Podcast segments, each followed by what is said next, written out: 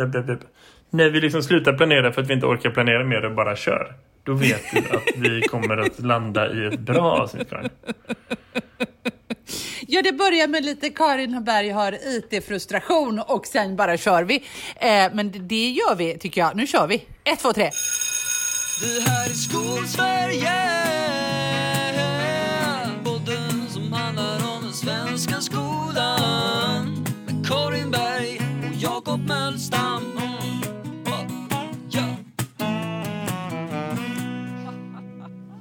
Det är det nya liksom begreppet efter så här flygskam, IT-frustration. Eh, ja, jag hittar på det nu. Eller jag, jag har ganska ofta IT-frustration. Men det är en annan sak. Eh, Ja, Eller sen de ominstallerar min dator. Eh, Just det. Jo, men det, alltså, det, det är väldigt sällan som saker och ting blir bättre egentligen. Eller det är förvånansvärt ofta som saker inte blir bättre för att de ominstallerar ens dator. Så kan man säga i alla fall. Så det är ändå rättvist. Ja men det är ju väldigt märkligt när de ska liksom, ja vi ska göra det här nu för det här måste vi göra och det här är jätte, jätte, jätte, jätte, jätte, jätte, jätteviktigt och sen får man tillbaka någonting som man inte vet, det är bara skitdåligt och så blir man bara arg. Det tycker jag är tråkigt. Eh, nu har de tagit bort Skype ur min dator, det är ju begåvat. Eh, för så sitter vi och poddar den här dagen, eller hur Jakob? Ja, precis så är det. Precis så är det. Det är onsdag den är det 3 oktober 2019. Och eh, skolan rullar på som den gör. Och även så den här podden.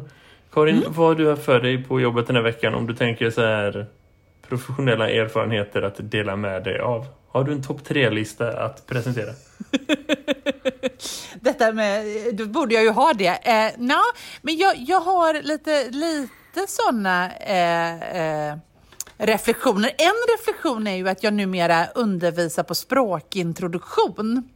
Mm, mhm. Eh, och och det, det betyder ju att det är nyanlända elever med mer eller mindre goda kunskaper i svenska.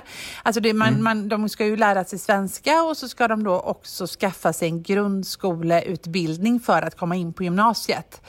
Eh, samtidigt är det väl tänkt. Ehm, och jag, jag blir, det, det är en väldigt, väldigt, eh, jag funderar så mycket kring om detta verkligen är jag, jag har ju väldigt lite erfarenhet kring det här, men, men när man kommer in och har varit lärare på gymnasiet med, eh, på nationella program i väldigt många år, så är det här en skolform som, man, som lämnar väldigt mycket frågor.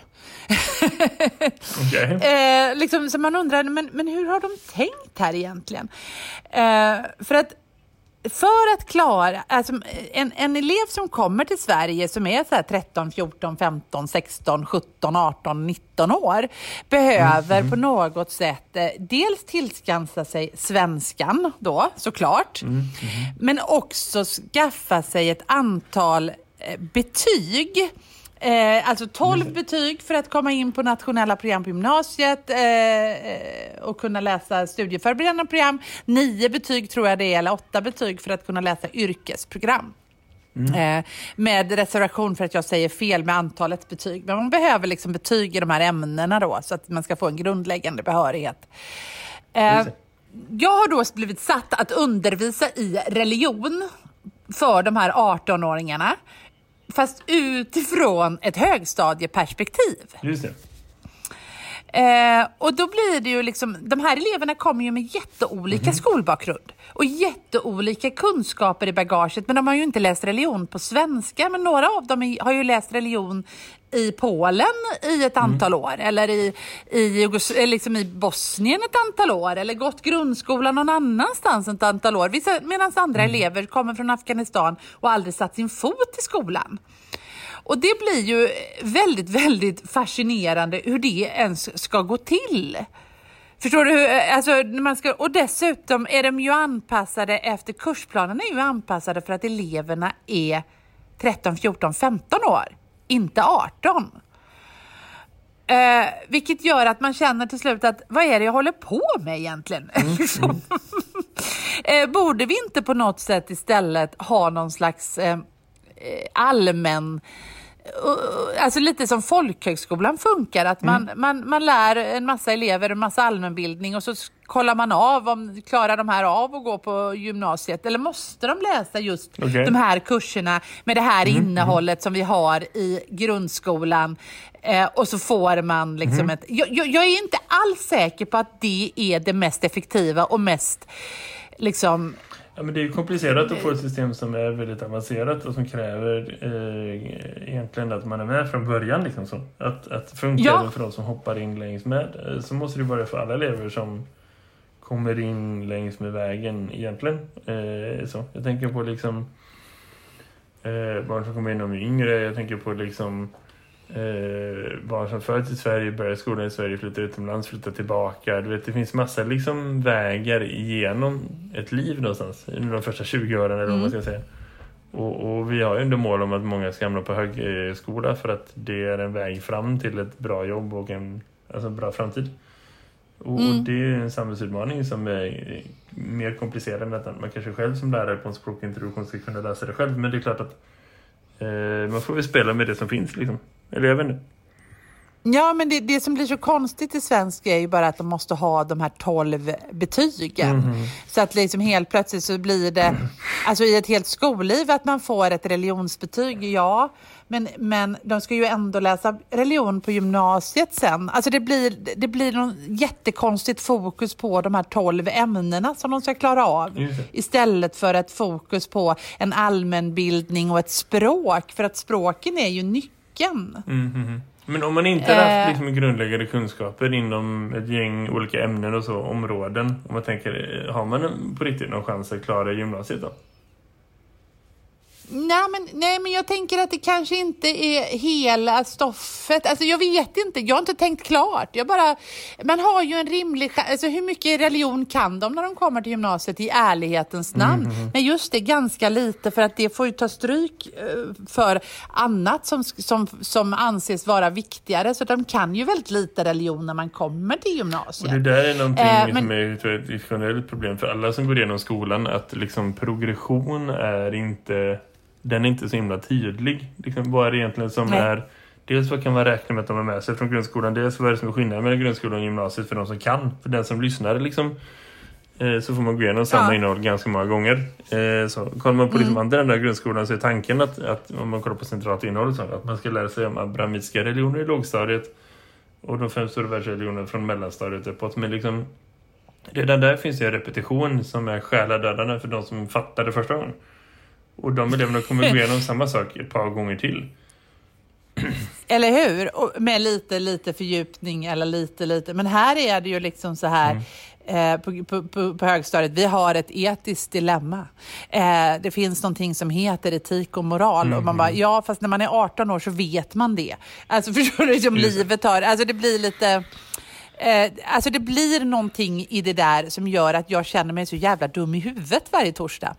Eh, men det är en av... Men jag, jag har ingen bra lösning. Jag har tänkt att folkhögskolepedagogik är jag lite nyfiken på och funderar på om inte det borde vara en grej här. Eh, men jag vet inte. Mm, kanske. Jag vet ingenting om det. Det är ganska Nej, inte jag heller. så att Det, är, eh, det hade varit intressant om någon som visste någonting om det och som hade någon bättre erfarenhet och som vill säga jag vet, gör så här. Då får man gärna höra av Eller hur? sig Eller Eh, eh, så, om det. Tänker jag. Men det är liksom egentligen min, erf- min fundering denna veckan. Eller den som, som jag har liksom funderat kring eh, denna veckan. Och sen eh, den andra saken jag har funderat på, om vi ska ha den här tre topplistan så får du bara två. Det är ju varför i hela friden måste allting alltid dokumenteras för att få finnas? Kan inte man bara se en film och så har man sett den med eleverna och så har man pratat om den och sen är det bra? Hur menar du? Måste alltid allting bli en uppgift? I gymnasieskolan så, har vi så vi är vi så desperata av att hela tiden göra uppgifter av saker. Istället för att bara se en film, prata om den och så tänka gud vad vi lärde oss någonting och så är det bra. Men det är Sen inte för, det är för att liksom alla lär sig inte bara av att se den. Man behöver göra någon sorts liksom, efterarbete. Ja, Eller? men man kan ju prata om det. Ja, ja, visst. och Och det är kan det också bra. vara uppgiften som är bedömning. Eller så. Ja, jag vet inte. Men det, det blir alltid sådana diskussioner. Men det är en annan, det var bara en reflektion. Ja. Eller att vi, vi, vi kan just jo- jobba jättemycket med eh, värdegrund, men eh, om vi inte har skrivit att vi har jobbat med värdegrund så har vi inte jobbat med värdegrunden. jag fattar, det blir lite Eh. byråkratiskt ibland. Undrar man lite vad är det egentligen som händer. Ja, lite så. Ja. Men det, det är bara en sån där reflektion för denna veckan. Jag vill mycket hellre höra dina reflektioner om denna vecka. Just, just, just. Okej, men då är mina eh, topp tre, tror jag att jag ändå har.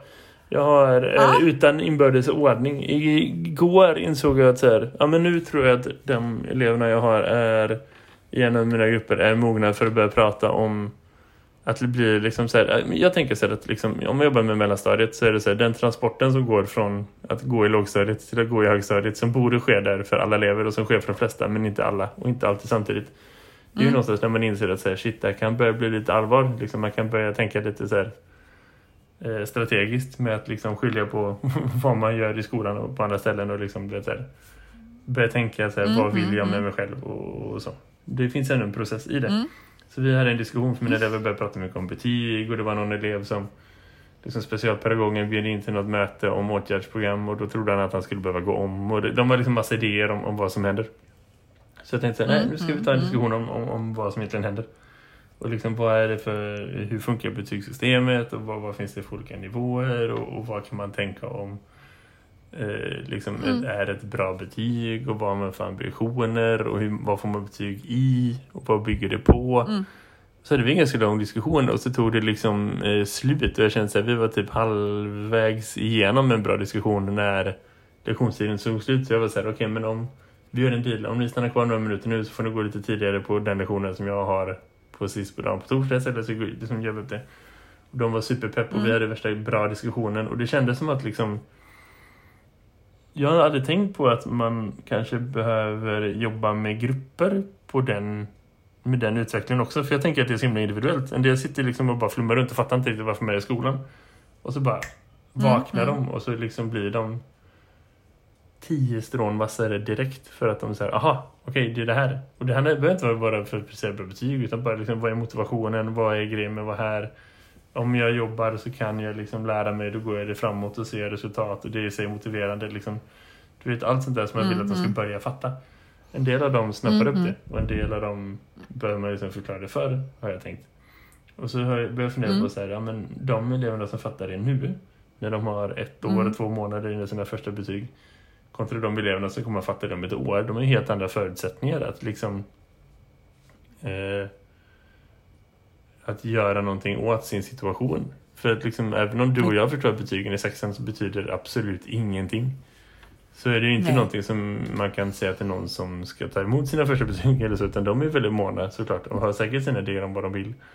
Men, men kanske behöver få Ja. hjälp att få bli lite konkret i vad är det för strategier som behöver komma ner i det. Eh, så.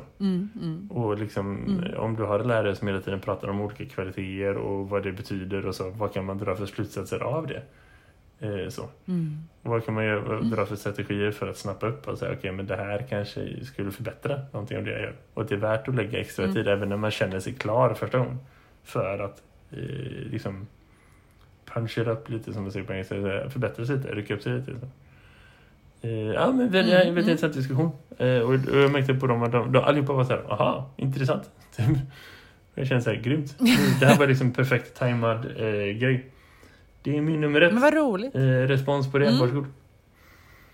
Ja, men jag, jag tänker ju på att det kanske har det att göra med den här nya skrivningen i första eller andra kapitlet i läroplanen. Att eleverna eh, ska ju numera, alltså det finns numera tillskrivet att eleverna ska också, inte bara lärarna ska, rektor ska, utan eleverna ska också ta ansvar för och kunna planera för sina studier utifrån, alltså redan i fjärde klass och, och ta ansvar för så långt det är möjligt då utifrån sin ålder. Just det. Eh, och det, men, men det måste vi ju någonstans, om eleverna ska det, så måste vi ju någonstans tolka vad det innebär när man är 10 år jämfört med när man är 16 år. Men självklart. Och, och, och det där tror jag är Eh. jätteviktigt man betonar just för att liksom inte sätta massa press i onödan. Så. Och jag är jättenöjd att vi kunde ha det samtalet så här, när det inte är värsta här uppläxningen att ni måste sköta er för snart har ni prov vet, här, och betyg och allt det där som man liksom börjar skrämma dem. Utan det är snarare så här, okej men jag har säkert gått och funderat på det här. Och Man tar det som en ganska avdramatiserad diskussion, det är det ena. Och det andra är att man märker ju att liksom ehm, jag tror att det har en effekt att de får diskutera det med varandra. För jag tror att man kan förstå det tillsammans på ett sätt som, som jag tror blir bättre än eh, om man liksom har den diskussionen individuellt. För då behöver man bara förhålla sig till vad vuxna tycker och tänker och inte till vad andra tycker och tänker. Jag tror att det berikar för de som har svårt att sätta ord på det. Mm. Och dessutom så tror jag att så här, jag har dratt mig lite för sådana diskussioner för jag vill inte att liksom, betyg ska vara en särskilt stor motivation. För jag tror inte att det är en, en särskilt sund eller hållbar liksom, drivkraft. Jag tror det finns andra sätt att, att motivera sig själv som jag tror ger mer. Men, men här tror jag det ändå finns en fördel att så här, det här kunde jag se en ingång som var så här, det här, det här kommer att gagna dem och det tror jag det gjorde. Eh, så. Ja men vad spännande. Det inte- För att det är ju någonting jag slåss med hela tiden. Jag, alltså, det här att det här vill jag att ni ska kunna. Är jag väldigt tydlig med det, Mm. då kan de ju det. Mm. Eh, men däremot börjar jag prata betyg, Mm. jag som har betyg hela tiden och det enda jag pratar om egentligen. Alltså, är jag liksom, de vill ju ändå, även om jag säger då när de får tillbaka ett prov som de fick idag, Mm. Så säger de ju, ja, ja, men, men om jag kunde det här, eh, ja, men eh, liksom, hade man det här resultatet så, så kan man det grundläggande, säger jag då, eller utvecklat eller väl utvecklat. Alltså då kan ni det liksom, försöker jag då att liksom inte säga att då har du, för att det är ju inte ett betyg Nej. när du får tillbaka nej, nej, ett nej. prov. Det kan aldrig generera ett betyg. Eh, men ändå vill de ju få mig att säga, ja men fick jag A på provet då? Mm. Nej men du, fick, du kunde det här området väldigt bra och det är det vi pratar om. Liksom. Jag vill inte prata om betygen och det där är, för det är inte i sig motiverande, det är snarare bara stressande för att då gäller det ju att man förstår vad betyget är och det kan jag aldrig egentligen Alltså det är ganska komplext att sätta ett betyg. Hur ska jag liksom... Det är ju snarare kunskaperna som leder till ett betyg. Det kan jag ju förklara. Men, men, men betyget i sig. Ja, det där är skitsvårt. Om det verkligen är motiverande. Ja, förlåt. Det men, nej, en men, och, och jag tror också att det, det, det, det är klart att den pressen finns där och jag kanske drar mig för att ta upp diskussioner för jag vill inte sprida det till andra. Men om den ändå finns där så är det lika bra att sätta ord på den, tror jag. Det är det ena. Eh, nummer Ja, två på min lista, och är som sagt inte inbördes ordning och det finns inte så mycket att säga om det här, utan jag hade mest bara en intressant så här, när man inser att digitalisering kan göra saker mellan människor som man inte kunde göra förut och att det gör saker bättre. Jag hade ett sånt moment Mm. när en av mina elever skulle opereras. Det var inget allvarligt så, men, men det var ändå Mm. liksom så här, eh, tillräckligt allvarligt för att vara borta några dagar och liksom så. Och det har varit en, en ganska så här, Mm, eh, grej som alla vet om och det har varit liksom eh, väldigt verbalt en, en snackis i den här gruppen då.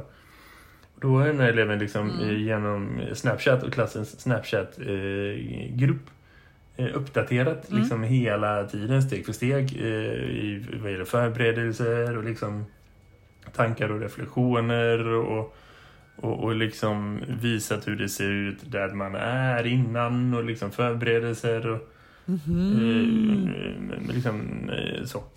Och de har haft värsta diskussionen som var superintressant eh, innan och de har liksom deltagit med varann i det så. Eh, och sen efteråt på uppvaket och hur det känns och vad man minns och, och ingenting minns för man har ju varit liksom sövd och så. De har haft en jätte, jätteintressant diskussion eh, som eh, jag tror betyder supermycket. Dels för den, den gemenskapen, för att liksom alla är mer eller mindre, mindre engagerade i den här personens liksom, eh, process då. Även om det inte är något, farligt så är de ändå så här, intresserade och så. Eh, och, och jag tänker så här, i, i min terminsplanering, nu ska jag snart byta jobb, men vi har ändå lagt upp en terminsplanering för hela det här året. Eh, så ligger det att vi ska börja liksom, eh, plugga om kroppen och har värsta temat om det i min undervisning. Jag inser att här finns det ovärderliga resurser och erfarenheter för dem allihop. Eh, som kommer ur någonting vardagligt eh, och som hade kunnat vara någonting att kanske så här, ja men jag vet inte hur jag ska säga det till de andra, jag tycker det är jobbigt att prata om eller liksom det är en massa grejer som man själv går och funderar på som kanske inte andra ser eller fattar eller de tänker också. Men alla sådana här grejer är liksom borta mellan dem för att de bara delar inte allt med det, men de har ganska så här, mycket mer gemensamt än, än vad man själv är när man gick i skolan kanske med sina klasskamrater. Där klassen som konstruktion var mer en så här 9 till 5 grej eller så här 8 till 2 grej typ om du är med mig liksom. Medan de här eleverna men klasskamrater precis. är 24-7. Och det är någonting ganska intressant. Mm. Eh, Så jag har suttit- Och som gör någonting med oss, tänker Ja, jag. precis. Och, och det är inte liksom... Mm. Eh, det är klart att det kanske är så att det var bättre, alltså så här, bättre sämre, jag vet inte. Men liksom, jag bara tänker så här, om det här sjukhuset hade haft mobilförbud, vad hade hänt där då? Nej, då hade vi inte... Men det, nej, men precis. Nej, men jag tror att, att eh, vi, vi delar ju... Alltså det har vi ju någonstans, eh, om vi går historiskt tillbaka, så har ju, ju mer information vi har kunnat dela, desto kunnigare har människor blivit på något sätt. Mm, Alltså vi glömmer det lätt när vi börjar prata om att ah, och slå larmrapporter och vi, vi gapar och skriker och vi, eh, vi liksom mm, vi tror eh, och pratar om. Men jag menar, det är ju ändå så att det är de unga som slår larm om klimatförändringar och läser forskning. Det är ju inte de gamla gubbarna som skriker och vill slå Greta Thunberg i huvudet. Alltså ibland någonstans så tänker jag att digitaliseringen, vi, vi, vi är oroliga och det ska vi nog vara. Vi ska vara lite skeptiska ibland och sådär. Men alltså om vi tittar historiskt och liksom, eh, så har vi ju alltid blivit ett kunnigare samhälle så fort vi har kunnat dela information, tankar och idéer med varandra I, i större sammanhang. Eh, Så att på det sättet så borde ju detta vara någonting bara positivt på väldigt Ja, men många jag, jag sätt. tror det. Annat, Eller? det, det var en väldigt intressant Ja. upplevelse att få ta del av och jag insåg så här, hmm, det Mm. eh, hade inte kunnat hända för ett tag sedan. Eller det hade nog inte hänt dels av tekniska skäl och dels av liksom sociala skäl. Och det är någonting spännande då. Mm. Spännande. Det finns någonting i det. Det är min nummer två. Min nummer tre, apropå larmrapporter och att eh, rycka sitt HR och så. Jag förstår Mm. inte Karin. Ibland känner jag att jag behöver liksom en lärarassistent som liksom typ går bredvid mig och tolkar vad läraren menar. För att jag förstår inte vårt folk ibland. Är du med? Det, det är så här, nu är det Ja, jag förstår 2019 precis. när vi spelar in det här. Eh, Vi har Mm, haft eh, grundskolans läroplaner sedan 2011. De eh, kom ut Mm. för som genomläsning och någon sorts remiss, inte alls som den här gången, 2010. Sen 2010 har man klagat på stoff, stoffträngsel i kursplan, alla jävla kursplaner som finns typ. Kanske Mm, inte så mycket mm, färdighetsämnen men, men liksom så här, om man tänker så här, i, i många kursplaner så här, liksom, har det varit en uppenbar stoffträngsel. Eh, Ah, jag har ah. ändå burit på en känsla av att efter att ha hört lärare i alla stadier och alla ämnen liksom eh, beklaga sig över olika saker i kursplaner och läroplaner. Att jag tror att, att kanske liksom de som undervisar SO har haft allra, allra värst stoffträngsel. Det, det är ändå en känsla jag har. Så. Baserat på att de har också en del kunskapskrav som är baserade på att man går igenom ett visst sorts eh, centralt innehåll. och Så. Så oavsett hur man vill tolka det centrala innehållet och vad man förhåller sig till liksom, syfte och kunskapskrav och centralt innehåll så, så är det en enorm eh, liksom belastning. Och då har man i, om man kollar på högstadiet samman, eh, 352 timmar garanterad undervisningstid i SO-ämnen. Varav 300 är fördelade på de fyra SO-ämnena då, så det ska vara 75 timmar var. Och så är det 52 timmar som beroende på hur du organiserat läraren eller lärarämneslaget eller rektorn då eh, fördelar mellan eh, olika ämnen. Är det liksom ett ämneslag där eh, SO-lärare undervisar alla fyra SO-ämnen så kommer vi dela det tillsammans. Men annars är det lite så här, beroende på tjänster och vad som finns inte. Men liksom, man, man tar ändå fram, det kanske är, säg typ, vad är en fjärdedel av 52? Det är 36, det är typ 15, 18, 20 så kanske lite mindre än 100 timmar då. Säg typ kanske. Mm, det är 117 timmar tror jag det är per år va? Ja, nej, men om du tänker, nej, nej, det jag menar är så här, om du tänker typ att under hela högstadiet så kanske det är så här, typ 90 till 100 timmar, eh, säg historia. Eller så. och då ska man liksom rimma av allt det här. Så, eh, så att det, det, det är nu en legitim kritik som man har uttryckt på i, mer eller mindre professionellt sätt. Eh, i, I de här nio åren eh, som har varit. Eh, så. I omgångar och vågor. Eh, nu då bestämmer man sig för att man ska gå igenom eh, läroplanen eh, av olika skäl. Eh, och uppdatera kursplanerna. Bland annat ska man göra det lite lättare att förstå. Vilket gör blir så här, att det här är ju en professionell text som är för liksom utbildade lärare. Är är det lärarna som inte förstår eller är det liksom verkligen så att vi tror att föräldrar ska förstå styrdokument? För det är ungefär som att jag inte riktigt fattar när jag bläddrar i fast. Det är så här, Jag är inte Nej. läkarutbildad, vilket är förklaringen till det. Men, men, men, men nu har man Ja. ändå gjort den förändringen och man vill också liksom eh, minska på stoffträngsel och man vill göra lite tydligare vad som egentligen menas. Man har inte ändrat så mycket med värdeord men man vill ändå liksom så. Det har funnits någon ambition, något uppdrag från politiskt håll.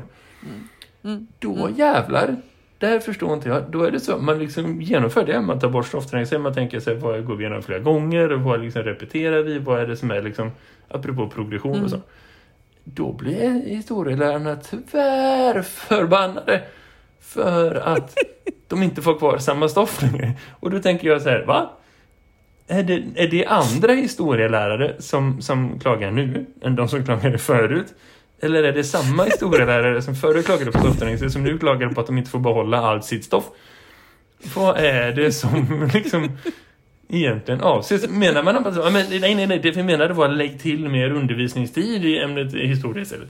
För i så fall så behöver vi lägga till ämnen i alla ämnen som hade de här stoffträngselproblemen. Hur mycket tid har Ja, men- vi? Alltså vi kan inte lägga till för jag menar, liksom, lägg till 100 timmar historia, 100 timmar SO, 100 timmar bla bla bla överallt, liksom, i samhällskunskap. Så. Det kräver ju också att vi har fler lärare. Och gudarna ska veta att det är inte så att vi har massa lärare som är bara på lager, som står i liksom, kulissen och väntar på att bli inbytta, utan det, det skulle också innebära att de här historielärarna skulle behöva undervisa 100 timmar mer. Karin, du som är min lärarassistent, vad exakt är det som är problemet? Eller vad är det som avses? Eller vad är det som är vad här?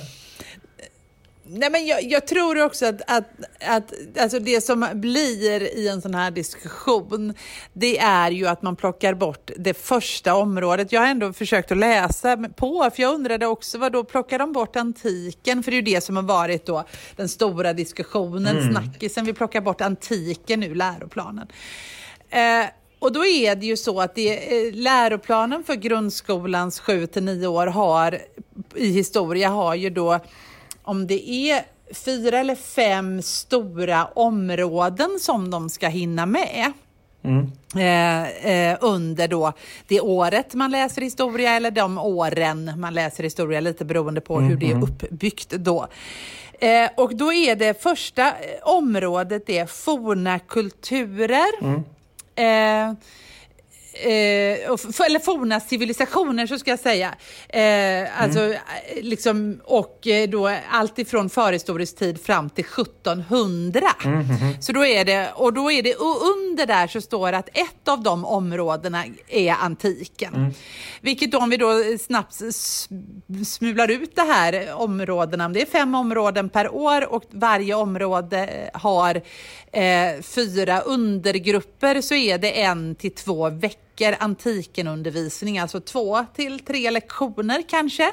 Eh, och ett prov på då också även andra eh, an, mm, kulturer eller civilisationer i historien som har betytt. Så att antiken är ju bara en av dem. Så att i ärlighetens namn så har jag väldigt svårt att se hur mycket antiken man faktiskt lär sig redan som det är med tanke på att det är ganska mycket.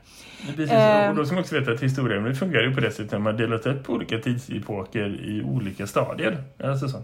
Hela grundskolehistorien, för det är ju en kursplan, det är inte tre olika, det är ju en kursplan för hela liksom, grundskolans historieundervisning är ju uppdelad på det sättet att man läser olika delar i olika åldrar och det författar väl varenda människa att den som liksom går ut årskurs tre i grundskolan och lär sig liksom till men så här, lärt sig varenda jävla skitdetalj som finns för en nioåring att förstå om forntiden inte liksom är redo att gå vidare till universitetsstudier om forntiden. Det förstår väl varenda människa. Men liksom, det finns ändå en progression som är tänkt på det sättet. Då tänker jag säga, för det, det blir också en repetition. Det är bara så här, hur många gånger ska man behöva gå tillbaka? Hur många gånger ska man liksom... Eh, eh, om det är så man vill designa historieämnet, då måste man ju också ta konsekvenserna av det. För det är det enda sättet att lösa en stoffträngsel. Att sluta gå igenom samma sak flera gånger. I så fall får man ju ändra hela liksom, didaktiken kring hur eh, kursplanen i historieämnet är uppgjord. Så man läser liksom hela mänsklighetens historia tre gånger om i typ whiplash-fart. Liksom. Och det tror inte jag är något bättre. Är det? Nej, nej men... Jag tror att det egentligen är en filosofisk fråga. Jag tror egentligen inte att, att alltså eftersom det här har ju lagt sig i och folk har skrivit debattartiklar från både höger och Ja, vänster och att, att liksom, och alla möjliga tyckare fick vi plötsligt in som blev alldeles hysteriska och ska inte vara unga, känna till antiken längre.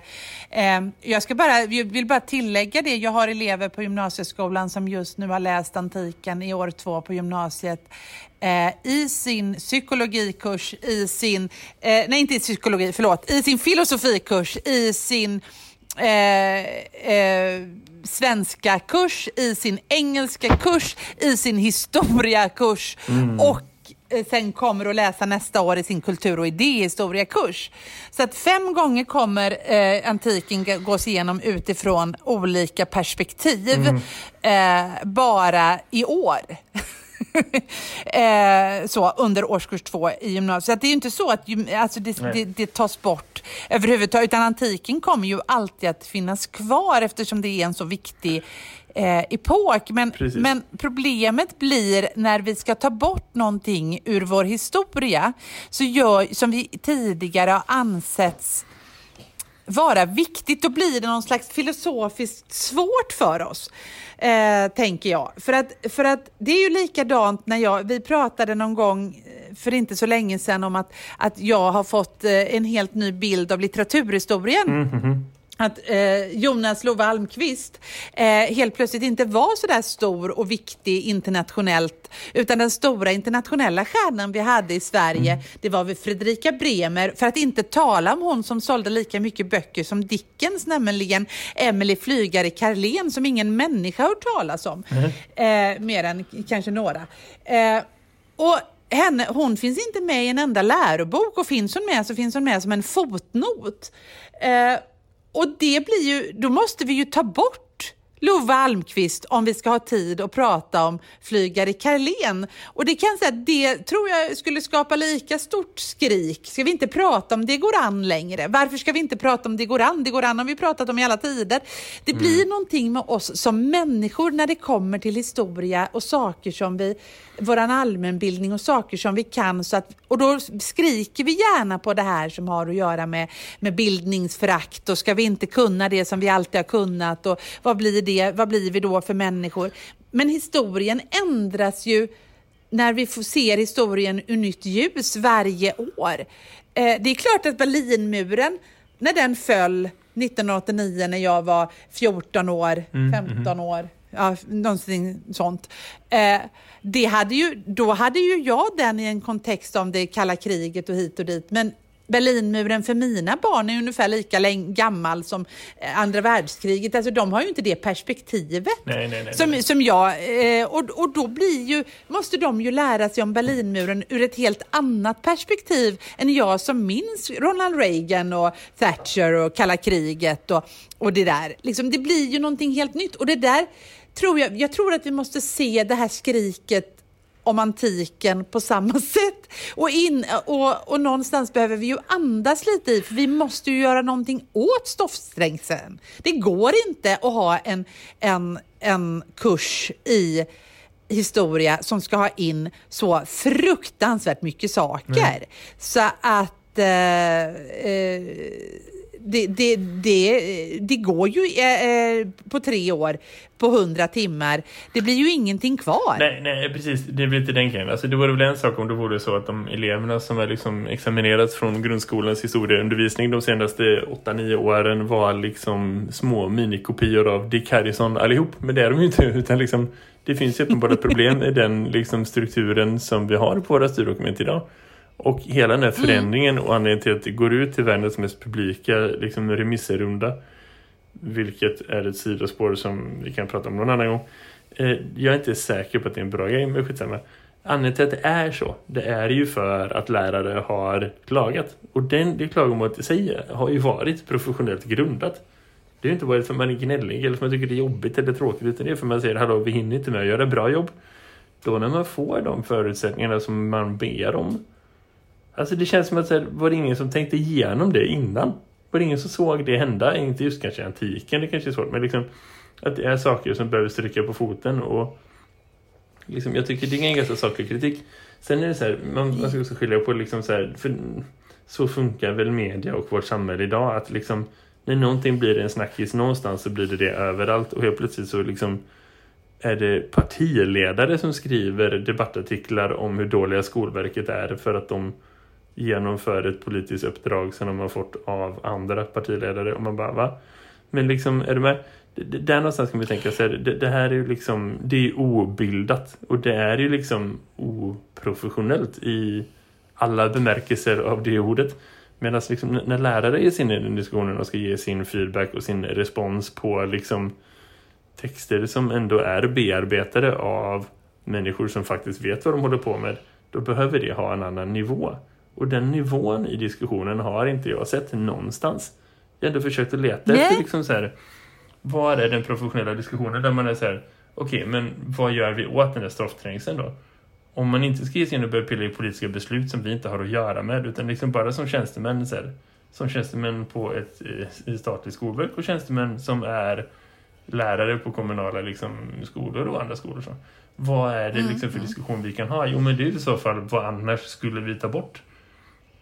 Ja, och då, och då kan jag ju tycka så här att, att, att om vi tittar på de här fyra, om vi nu ska göra det här lite konkret, så står det ju så här då att, att de, de olika eh, liksom rubrikerna som man ska kunna eh, då, eh, um, under sju, årskurs 7 till 9 är forna civilisationer från förhistorisk tid fram till 1700. Nu pratar jag om den gamla skrivningen då, alltså den om vi nu inte tar den här. Alltså den Ja, aktuella, den, den som fortfarande, de, den som precis den som vi undervisar omkring nu. Sen har vi industrialisering, samhällsomvandling och idéströmningarna under 1700 och 1900 fram till 1900-talet. Alltså kolonialiseringen, industrialiseringen och de här revolutionerna och det. Eh, och sen har vi imperialismen och världskrigen. Eh, och sen har vi demokratiseringen, efterkrigstiden och globaliseringen, alltså nutid, eh, 1900 till nutid. Plus att vi har då hur historiska, historia används och alla historiska begrepp och allting vi har. Eh, och det är ju ganska så mastigt alltihop. Och under här då så har vi till exempel under forna civilisationer från förhistorisk tid fram till 1700 så är antiken en punkt. Som vi ska, antiken och dess utmärkande drag som epok. Men vi har också så att eleverna ska hinna med att göra en jämförelse mellan några olika historiska högkulturers framväxt och utveckling fram till 1700-talet med exempel från Afrika, Amerika och Asien. Det ska de hinna med. Man ska också hinna med vad historiska källor från någon högkultur i till exempel Asien och Amerika eh, kan berätta om likheter och skillnader i levnadsvillkor för barn, kvinnor och män. Eh, då ska vi på något sätt göra någon jämförelse. Så det är ju eh, väldigt många... Alltså, eh, och då kanske man, det är så att vi ska stryka vad de historiska källorna från någon högkultur i Asien och Amerika, det kanske är den biten vi ska stryka under den första. Alltså vi skulle kunna stryka under de här rubrikerna om vi vill. Du menar man skulle kunna smeta göra. ut lite överallt istället? Jag menar det, att man kanske inte ska, eh, vi kanske inte behöver det här med historiska källor och leta efter, eh, behöv, är det, jag pratar inte som historielärare nu, jag vet inte. Eh, eller om det är liksom, Men, men problemet är det igen, för att gå tillbaka till det med liksom progression Ja. och så, det måste veta att allting blir täckt. Och det som vi undervisat allra, allra mest innan man börjar på högstadiet, det är det som hände först i historien. Alltså från förhistorisk tid fram till, okej, om inte 1700 så i alla fall 1500-1600 alltså. Så liksom hela det blocket är ju någonstans ganska mycket upplagt för att vara repetition. Det är klart det kommer komma fördjupningar men om du lägger tre veckor på det så kanske två veckor, nu bara tar jag siffror, men är du med för att förstå? Att, att det kommer vara saker som tangerar saker du redan har gjort förut.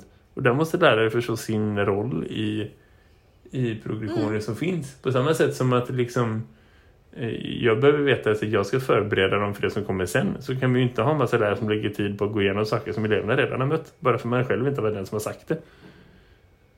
nej och, och jag, jag tror snarare att läroplanen faktiskt skulle behöva vara en liten garant för det. För att just historieämnet som är så så stoff, eh, stoffbyggt så ka- kan man ju om man har otur och byt, byter historielärare åka på och läsa antiken 14 gånger men aldrig komma till, till eh, andra världskriget eller revolutionerna eller, eller vad det nu är. Man kan, alltså det finns ju en väldigt stor risk att man missar man får läsa väldigt många saker flera gånger Mm, och väldigt lite. Alltså det är ju väldigt lite som är styrt i hur mycket man ska göra och, och när man ska göra det. Man kan göra det i sjuan, åttan eller nian beroende på vilken lärare man har, vilken skola man går.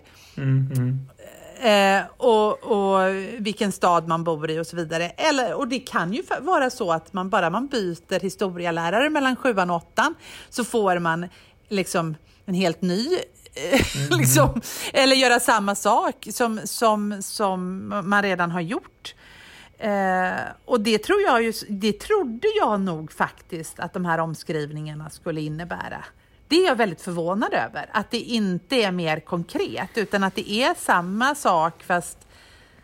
Ja, eh, men då, då tror jag man också ska gå tillbaka till vad det är för uppdrag som Skolverket har fått. Eller så. Ja, För de är inte dummare än att de gör det de blir tillsagda att göra och inte det de inte blir tillsagda att göra. Eller så. Man utnyttjar de alltså, uppdragen man får. För som tjänsteman får man absolut inte lägga fram förslag som inte ingår i de uppdragen som man får av regeringen. Och sånt är väldigt tydligt liksom, eller av utbildningsdepartementet och så. Och sånt är väldigt tydligt definierat. Så om det handlar om att förtydliga och liksom förenkla kunskapskrav, då är det det man gör. Så. Och Om det får Mm. Men har de gjort på, det då? Ja, ja visst. Och om, ja, jo, verkligen. Alltså det, om, om jag kollar på liksom, eh, biologi i årskurs 6 eller så. Så var det förut en halv Mm. A4-sida, nu är det fyra meningar. Så att, jo, absolut har man gjort det. Och, och det Ja, för, för att i min, i min kurs då i svenska till exempel så har de ju bara skrivit det på snyggare språk. Det står exakt samma sak som det gjorde innan. Eh, väldigt, väldigt spännande. Ja, nej, nej, nej, nej, nej, det är verkligen inte alls eh, det som är... Och det är väl också det som är ganska typiskt för att man tar in ämnesexperter. Dels alltså, eh, liksom undervisningsråden på Skolverket och dels liksom forskare som är med och lärare som undervisar i olika ämnen och så, som jobbar med en kursplan i taget. Så det kommer finnas en differens däremellan även om det finns de som jobbar med att hålla ihop det. Så blir det ju, för det är inte en person som sitter och går igenom alltihop, tack gode gud. Men liksom, eh, för att gå tillbaka till det så tänker jag att så här, eh, man går igenom kunskapskraven och sen så får man ju göra konsekvensändringar i centralt innehåll och i, så, i den mån det behövs. Det här är förslag, det är ingenting som, som säger att det måste bli på det sättet. Men jag tycker att det är en viktig diskussion att ha för att vi har ändå diskuterat och definierat ett problem jävligt tydligt och längre än vad vi egentligen borde behöva att vi har en enorm stoffträngsel. Vad är det egentligen vi menar ska vara lösningen då? Visst man kan tycka här, jag vill ha mer tid i mitt ämne men det är inte en grej för en tjänsteman att ha åsikter om. Vi får den tiden vi får, det är det som ingår i vårt jobb. Man kan ha politiska åsikter som privatperson men inte som tjänsteman. Och där, dessutom, det är en dålig politisk idé för att vi har inte lärare för att fylla de timmarna. Nej, nej, nej, nej. Och men, men, jag, men jag tror faktiskt i ärligheten, alltså jag tror att det blir en... Eh, det blir en, alltså just i ämnet historia tror jag att det blir eh, lurigare just för att det är Eh, just för att vi vill ha allt, vi vill ha med allt. För att det, det, det är väldigt tydligt när man läser här att det ska ju vara allt ifrån, man får inte glömma något liksom. För Nej. drick och folkdrivningar och vi ska inte glömma det här och vi ska inte glömma det här och vi ska inte glömma det här. Men det, problemet med när vi inte ska glömma någonting är ju vad får man för djup? Min son läste faktiskt antiken nyligen och det han fick med sig var att Caesar eh, sabbade eh, senaten i Rom och eh, övertog den som diktator och sen blev han stucken med 21 dolkrygg, eh, dolk, eh, stick i ryggen av Brutus. Och det Arvid då eh, mest var fascinerad över var hur visste de att det var 21? Ja. Eh, det, liksom, det fastnade på honom, han är 14 år. Alltså, och det, det var liksom det som blev kontentan av hans antikenundervisning. Jag är inte säker på, eh, på de tre veckorna som hans med, jag är inte säker på att det gör honom till en, en mer kunnig, allmänbildad, bildad människa. Jag är inte säker på det, eh, utan att hänga ut honom. Eh, det var dumt att jag sa hans namn. Eh, men han är en väldigt bildad liksom människa. Ja, nej, men det är ett exempel som, som jag tycker är lite, lite intressant för att vi, vi ska ju också komma ihåg att väldigt många människor läser, eller nästan alla människor läser eh, gymnasieskolan och eh, gymnasie, eh, och där läser vi antiken så det bara skriker om det. Så att vi måste ju också, och är det inte då vi ska läsa de antika filosoferna, ska vi verkligen läsa dem när de är 13 år? Nej, Eh, men alltså det, alltså där, jag- det finns många frågor kvar att reda ut. Eh, Karin, vår tid börjar ta slut. Apropå mm. stoffträngsel och så. Eh, så eh, har vi över jag tycker det är en våra viktig poäng. 352 timmars poddande för den här veckan. Det är väldigt intressant. Om det är någon som har några eh, åsikter och frågor om det här så fortsätt gärna diskussionen med oss på olika sociala medier. Det är bara att söka på skolsverige.com. Eh, Ja, och så jag- jag- får du och eh, äran att runda klok- av det här samtalet på något smart sätt. Då. Ja, men jag skulle, jag, precis, för jag skulle vilja ha en klok analys. Vad ska vi göra istället om vi inte tar bort eh, det som är under forna civilisationer från förhistorisk tid fram till 1700? Vad i hela friden ska vi ta bort då för att lösa stoffsträngseln? För den måste vi ju lösa. Och kom inte och säg att vi ökar timmarna, för det finns inga lärare till. Nej. Eh, nej, Jag minst ett parti som tycker att vi ska Eh. skippa lite modern historia istället. Men de... det är en annan sak. Eh, Ja, ja men ge mig, ge mig ett förslag. Ja. Det tycker jag. Eh, Men det var roligt att prata med dig Jakob. Nu ska jag gå på teater. Du, har det så kul på teatern så hörs vi och ses Ja. vi nästa vecka. Ha det Det vi. Hej! Hej då! Det här är Skolsverige